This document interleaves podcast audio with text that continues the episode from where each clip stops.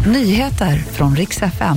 Det ska handla om att våldsvågen i Stockholm fortsätter. I natt så blev en man skjuten i en lägenhet. Och så kan deltagarlistan för programmet Masked Singer ha läckt.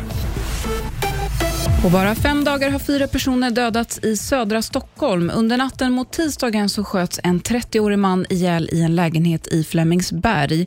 Mannen träffades med flera skott. Det fanns flera personer i bostaden varav en av dem var ett nioårigt barn.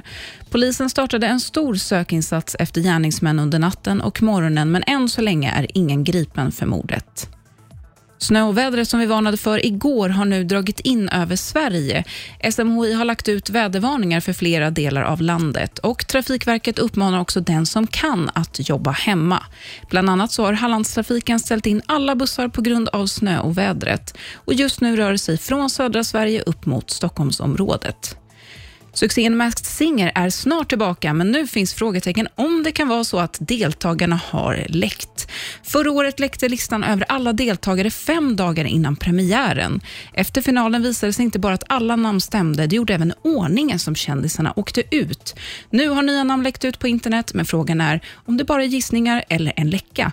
Det återstår att se. Det var nyheterna med mig, Sofie Hodén.